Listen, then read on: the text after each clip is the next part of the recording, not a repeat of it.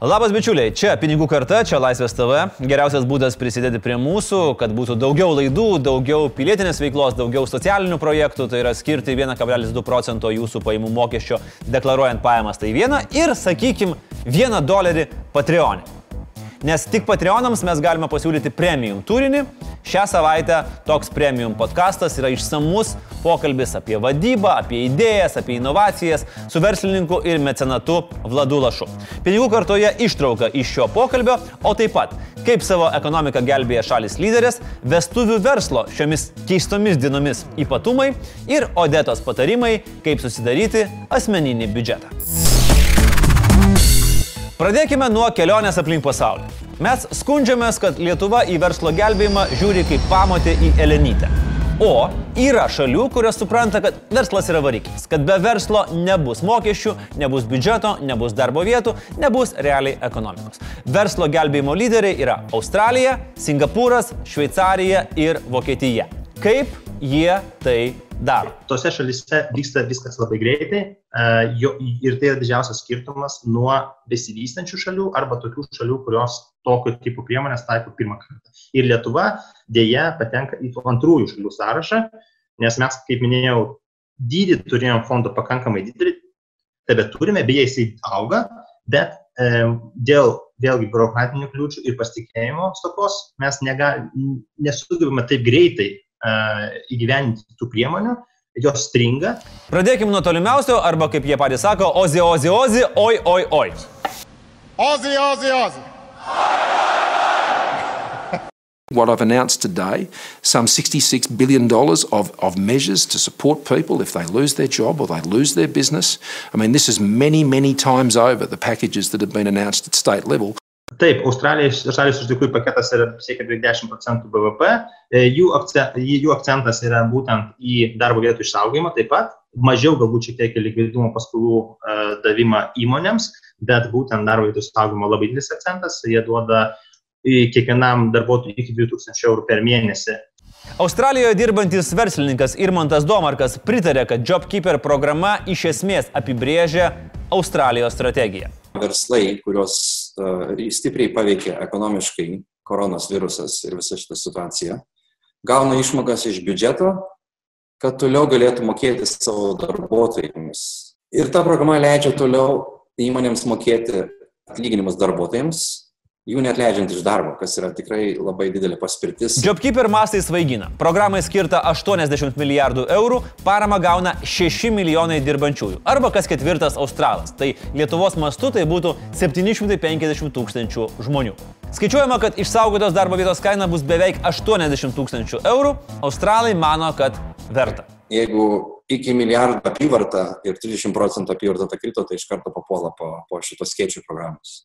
Irmontas pabrėžia, kad Australija labai greitai peržiūri sąrašus ir įtraukia vis didesnį ratą dirbančių. Ok, dabar šokam į žemyninę Aziją, į Singapūrą. Our economy is taking a big hit. That's why we did the $4 billion support and stabilization package in the budget last month to help businesses, workers, and households Čia akcentas padėti įmonėms tapti konkurencingesniems ir pasinaudojus tuo, kad konkurentus išvargino krizę, šokti prieki. Gal nelabai etiška, bet labai pragmatiška. Ir valstybė čia tampa mega žaidėjų. Tai Singapūras puikiai tą suvokia ir na, naudodamasis proga e, deda labai didelės pastangas remti įmonės, ypatingai strategiškai svarbės, naudodamas valstybės pinigus, kas šiaip ne krizės metu yra uždrausta dažniausiai ir tikrai e, nesulaukia didelio pritarimo. Singapūro privalumas visada buvo greitis. Pagalba verslui imta teikti tada, kai kitur žmonės dar planavo keliones į kalnus ir apsipirkimus kaziuke. Vasario viduryje Singapūro vyriausybė paskelbė trečiąjį iš keturių pandemijos plitimo lygių E, ir buvo įvesti fizinės distancijos laikymosi reikalavimai darbo aplinkoje. Um, taip pat privalomos uh, kūno temperatūros matavimas kelis kartus per dieną. Uh, tuomet išėjo pirmasis stabilizacijos pagalbos paketas verslui, uh, siekiantis uh, 2,6 milijardų eurų. Ir tai buvo jau vasario viduryje. Singapūras dengia 75 procentus vidutinės darbo algos įmonėms, turistinius verslus atleido nuo mokesčių, toliau jau aišku mums žinomos subsidijos ir lengvatinės paskolos, kur viskas vyksta daug paprasčiau. Visas paketas sudaro 40 milijardų eurų arba 12 procentų BVP. Verslininkai vyriausybės veiksmus ir pagalbą vertina tikrai pozityviai šalyje biurokratiniai procesai yra supaprastinti ir viskas automatizuota. Tarkim, algų subsidijoms nereikėjo teikti jokių prašymų ar pildyti dokumentų. Subsidijos pasiekė kompanijos iškart į, į, į jų e, sąskaitas buvo netgi kelios dešimtis kompanijų iš tikrųjų, kurios net gražino pinigus atgal ir per, pervedė labdaros fondams. Grįžtam į Europą. Tarp didžiųjų valstybių geriausiai tvarkosi Vokietija. Nestebina. Ich versichere Ihnen, die Bundesregierung tut alles, was sie kann, um die wirtschaftlichen Auswirkungen abzufedern und vor allem um Arbeitsplätze zu bewahren. Jeigu pasirinkti dviračio analogą, palyginti jį su, su ekonomika, tai ekonomika e, dviratis važiuoja tol, kol kažkas įmina, kai šiuo atveju įvestas yra karantinas, e, dviratis pradeda svirduliuoti ir yra grėsmė, kad jisai nukris. Tai vokiečiai yra specialistai šito dalyko, jie sugeba tą dviratį išlaikyti, išlaikyti jo balansą ir taiko dvi pagrindinės priemonės. Tai yra pirma, tai yra prastovų kompensavimas, tai vadinasi garsioji programa Kursarbeit Kitas, kita programa tai yra likvidumo užtikrinimas įmonėms tam, kad kiek įmanoma mažiau įmonių bankrutuotų. Vokietijos jau dabar programa e, siekia daugiau nei 20 procentų BVP, tai milžiniškas dydis, milžiniškas greitis ir yra patirtis jau 2009 metų krizės, dėl to e, bankruotų skaičiaus augimo tikėtina pavyks į šalį išvengti, nedarbo draudimo taip pat pavyks išvengti ir kai ekonomika jau atsistatys šių metų antroje pusėje arba kitais metais, e, tas dviratis jis nenukritęs, tik šiek tiek pasviduliavęs, vėl pilnu greičiu važiuos pirmyn. Gėlių atelje Vokietijoje turinti Asta Ramelytė Hauf pasakoja apie savo patirtį su Vokietijos biurokratinė sistema. Vėl buvo 65, man atrodo, tūkstančiai prieš mane laukiančių ir per 24 valandas atėjo mano eilė. Ir e, tada buvo pranešimas, kad užpildykite, jums maždaug reikės 30 minučių, užpildykite visą tai, aš užpildžiau, um, viską per, per telefoną tiesiog, per mobilų telefoną ir buvo pateikta nedaug klausimų, nereikėjo nei jokių kopijų pateikti ar kažkokių tai įrodymų ar dar ko. Um, viską užpildžiau, man tai užtruko, manau, apie 10 minučių. Tai buvo penktadienis ir antradienį jau buvo pinigai pervesti. Tiesa, Lietuvos paramos verslui valdytojai nelabai nori būti lyginami su Vokietija toj pačioj Vokietijoje, kuri dažnai minima nuo pat, reiškia, pradžių, na, nu, gal, nežinau, pirmas ar antras veiksmas buvo, buvo tiesiog nedidelių subsidijų dalinimas verslui. Na, Invega tokios priemonės net neturi. Ir natūraliai turbūt gavosi tokie na, lūkesčiai lyginimas su kita šalimi, kuri ten padarė greičiau, galbūt, galbūt paprasčiau. Tačiau Europos lyderiais vis dėlto reikia vadinti ne vokiečius, o šveicarus. Na, tie tai tikrai veikia kaip laikrodukas. The 10 billion Swiss francs set aside for businesses announced on Friday have also been made available, with 8 billion going towards unemployment benefits.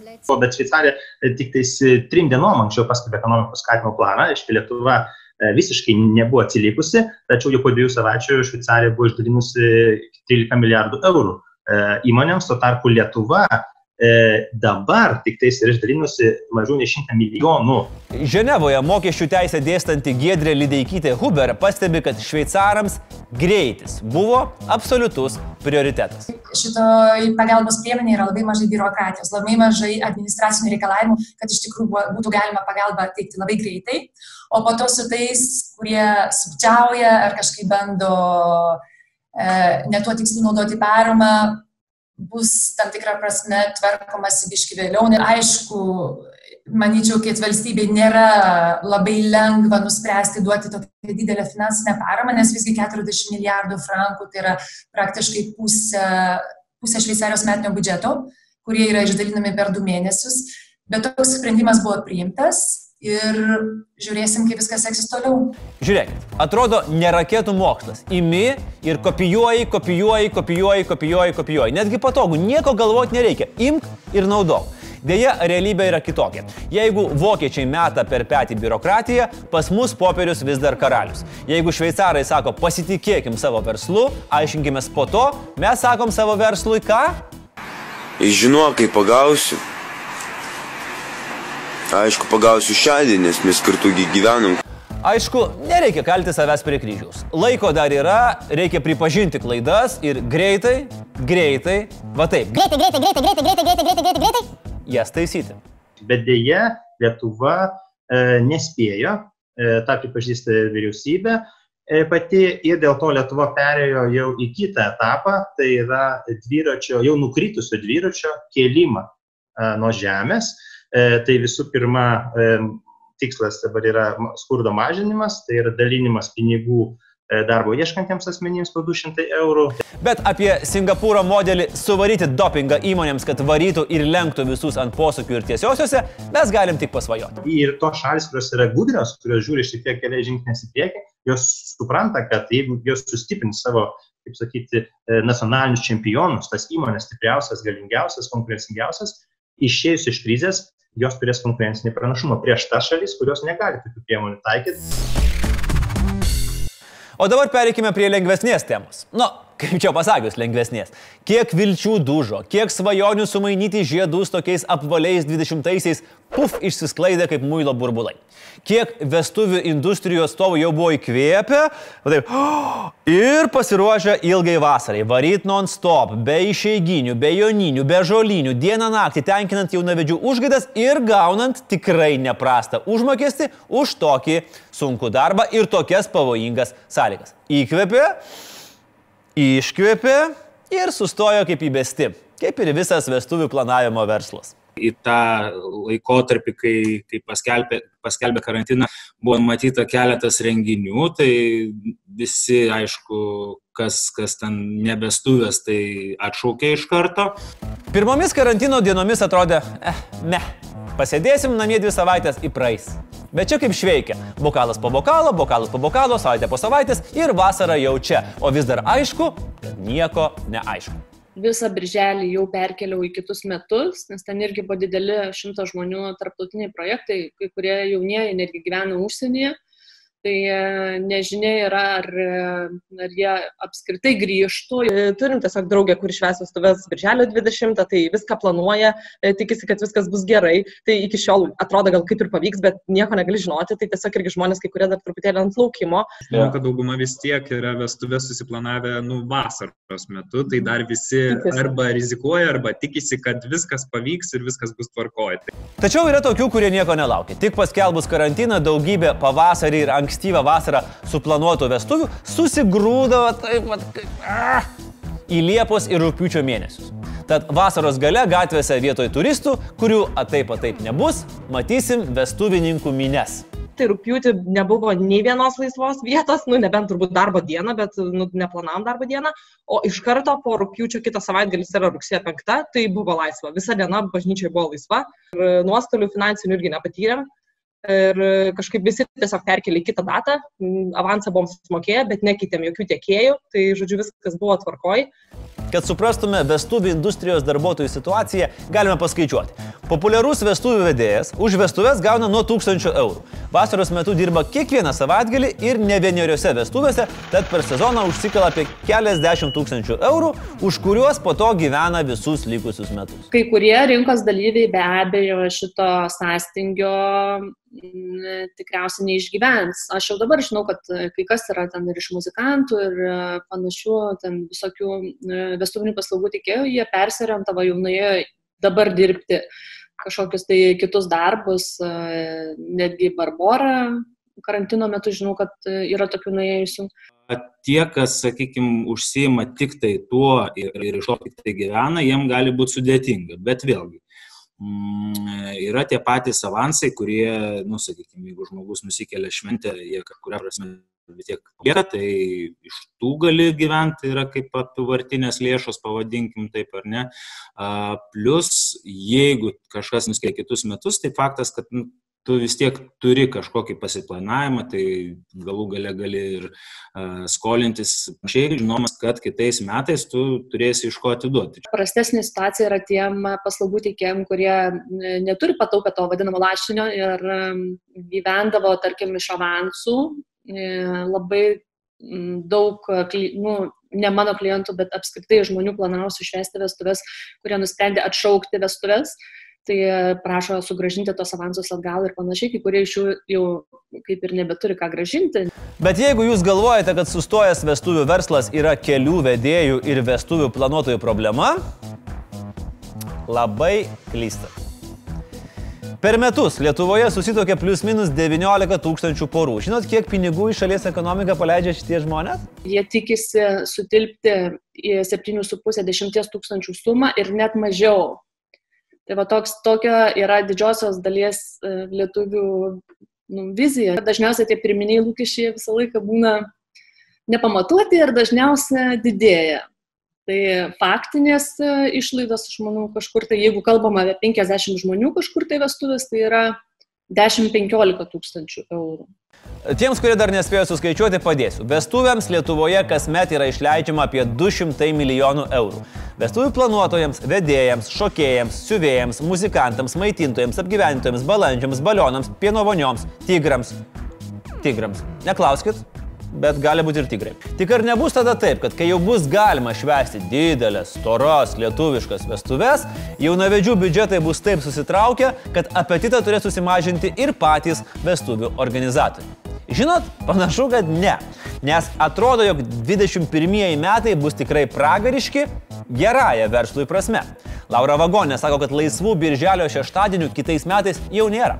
Geidžiamiausių vestuvių vedėjų, fotografų, floristų 21 metų vasaros savaitgaliai viskas rezervuoti. Tarkim, kokiam nors Tony Resort'e gauti datą 21 vasaros savaitgalių yra Mission Impossible. Mantas Petruškevičius gali būti ramus, kitos vasaros savaitgaliai jam baigia užsipildyti. Jeigu norite, kad jūsų vestuvės vestų Rolandas Matskevičius, vestuvių datą derinsit ne pagal savo, o pagal mielo Rolando kalendorių, kuris jau dabar yra sausakimšas. Ta pati reikės daryti, jeigu norėsit, kad jūsų vestuvių akimirkas įamžintų, pavyzdžiui, fotografas Aistis Rokas. Ir kai tokia milžiniška paklausa, apie kainų mažinimą tikrai niekas nekalba. Darydama užsakymus aš galiu pasakyti, kad kainos nesumažėjo. Labai vienas kitas, ten vieni filmuotojai, vieni, viena agentūra su atlikėjais, kurie dirba, sako, Laura, jeigu šiais metais dar atsirastų kažkas, tai mes labai labai derinsim kainas ir panašiai. E, bet, nu, čia yra vienetai. O kitiem metam darant užsakymus, tai dar pilnas kainos. Aš sakau, aš dar bijau, kad jeigu tikrai tie perkelimai visi vyks, kad dar to pakeltų kainų nebūtų. Reaguoti ir keisti strategijas e, turės ir visas pramogų verslas. Apie tai kalbėsime kitose laidose. O tam, kad vestuvininkai turėtų kaip susimokėti už vestuves, vėl šokam į mūsų rubriką apie asmeninius finansus su Odeta Blažienė. Odeta, pagelbėk žmonėms, kaip neištaškyti visų pinigų. Asmeninis biudžetas - tai tam tikro laikotarpio pajamų ir išlaidų suvestinė. Arba išlaidų dienoraštis, kurį galima pildyti kasdien, kas keletą dienų arba kaip jums patogu. Svarbiausia - periodiškai. Namų ūkio biudžetas padeda pirmiausia suprasti namų ūkio finansinę situaciją bei atspindi pinigų srautus. Biudžetas leidžia tiksliau ir atsakingiau planuoti išlaidas bei įsivertinti savo finansinės galimybės. Kad būtų paprasčiau, pradėkite nuo mėnesio biudžeto. Tai gan greitai įsivertinsite, kiek pinigų gaunate ir kiek išleidžiate nuo mėnesio pirmosios iki paskutinės dienos. Išsirinkite geriausią ir patogiausią būdą vesti biudžetą. Galbūt mėgstate klasiką ir pasirinksite popierių ir rašiklį, o galbūt išlaidas vesite kažkur elektroninėje erdvėje. Elektroninių priemonių pilna nuo Google ar Microsoft įrankių iki dedikuotos biudžeto programos You Need a Budget, Quicken ir taip toliau. Suskirstykite pajamų ir išlaidų kategorijas. Skamba baisiai, bet tai nesudėtinga. Pajamų kategorijos tai eilutės, kur matysis, iš kur gaudate pinigus. Tai gali būti atlyginimas, pajamos iš būto nuomos, honorarai, pašalpos ar netgi dovanos. Išlaidų kategorijas grupuokite į stambiausias grupės maistas, išlaidos būstui, sveikatos priežiūrai, laisvalaikiui ir taip toliau. Išskyrę stambiausias grupės, stenkitės jas detalizuoti. Kuo smulkiau fiksuosite išlaidas, tuo geriau matysite, kur dinksta jūsų pinigai. tuo greičiau viską suvaldyti ir sutaupyti. Detalizuokite taip, kad kategorijos kita ar įvairios išlaidos sudarytų mažiausią sumą. Įvairias komunalinės išlaidas nepatingėkite suskirstyti į dujas, elektrą, vandenį, internetą ir kitas. Maisto ir gėrimų kategorijos į maistą, nealkoholinius gėrimus, alkoholinius gėrimus, maistą ne namuose. Susidėliokite prioritetus. Išskyrę išlaidų pobūdį, nusistatykite, už ką atsiskaityti reikia pirmiausia tik gavus pajamas, o kas gali palaukti. Sąrašo viršuje turėtų atsidurti paskolos, komunalinės išlaidos bei kiti svarbus mokesčiai bei įmokos, kurių nesumokėjus grėsia dėlspinigiai. Toliau sąraše būtiniausios prekės tokios kaip maistas ar medikamentai. Ir tik pačioje sąrašo pabaigoje išlaidos laisvalaikiui bei pasisėdėjimams su draugais. Svarbiausia asmeninių finansų valdymo taisyklė - išlaidos neturi viršyti pajamų. Kaip jums sekėsi, parodys mėnesio biudžeto balansas. Pajamų ir išlaidų skirtumas. Kai išlaidos viršyje pajamas, susidaro deficitas, kuriam padengti gali tekti skolintis arba naudoti santaupas. Jei išleidžiama tiek, kiek gauname, biudžetas vadinamas subalansuotu. O jei išleidžiama mažiau nei gaunama, biudžetas perteklinis. Biudžeto pertekliaus turėtų siekti kiekvienas namūkis. Tai pirmas ženklas, jog savo finansus valdome atsakingai. Bet svarbiausia - atsipalaiduokite. Biudžeto sudarimas bei vedimas yra atsakingas, nemažai dėmesio bei laiko reikalaujantis darbas. Tikėtina, kad pirmas blynas nebus tikras šedevras, o kartais ir patingėsite tai daryti ir dėl to nederėtų per daug nerimauti. Daugumą atsakymų rasite per patirtį. Pildydami biudžetą bei jį analizuodami kelis mėnesius iš eilės, pradėsite pastebėti, kokios informacijos trūksta, kad galėtumėte priimti sprendimus bei geriau valdyti finansus. Ačiū Odeta, o dabar yra premjera. Pirmasis pinigų kartos premium pokalbis su investuotoju ir filantropu Vladu Lašu. Porą kartų buvau įsiprašęs į Association of Space Explorers, na, asociacija, kuri jungia ir kosmonautus, ir astronautus. Mhm. Jie pasivadino kos, kosmoso tyrinėtojais, nes negalėjo pavadinti nei astronautais, nei kosmonautais. Jie kasmet daro posėdį, na, konferenciją kažkurioje šalyje, kur yra astronautų arba kosmonautų iš kur kilę. Tai vad norėjosi juos iki čia ir į Lietuvą prikviesti, nes lietuviškom šaknim turim žmonių. Na, tai Karol Bobko tris kartus su amerikietis, bet kadangi jo močiutė nuo kėdainių, tai aš jį kalbėjau, kad gali kviesti į Lietuvą astronautus. Tai vat, per tokius dalykus gali ir susipažinti su labai įdomiais žmonėmis. Kita vertus, tu turi drąsiai eiti ten, kur ir negalima. Aš kažkada kalbėjausi, kalbėjausi su Ayrton Sena Ir tai buvo seniai, beveik studentiškais laikais, na, daugiau kaip prieš 30 metų, bet pirmą kartą Vengrijoje, Hungaro ringas, rūpjūtis.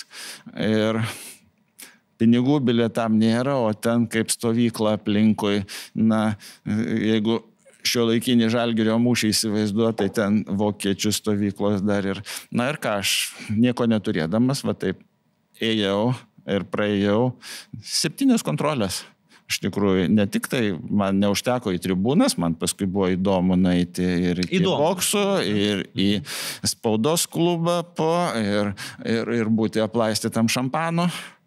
Bet tu turi viduje tikėti, kad tu tikrai praeisi, kad tavęs, na, apsauga ne, ten toks įdomus dalykas. Aš... Tikrai įdomus dalykas, nes jūs čia dabar kalbate apie dalykus, kurie realiai nėra labai galimi. Jeigu tu neturi akreditacijų, jeigu tu neturi viso šito, bet jo, jeigu tu labai tiki, tai tu praeisi. Pilna, net pusantros valandos pokalbį gali matyti ir klausytis Laisvės televizijos Patreonai. Kaip jais tapti, informacija laidos aprašyme. O tiems, kas žiūrite mus per televizorių, sekite mus Facebook'e, viską mes jums ten paaiškinsim. Ačiū, iki kitų kartų.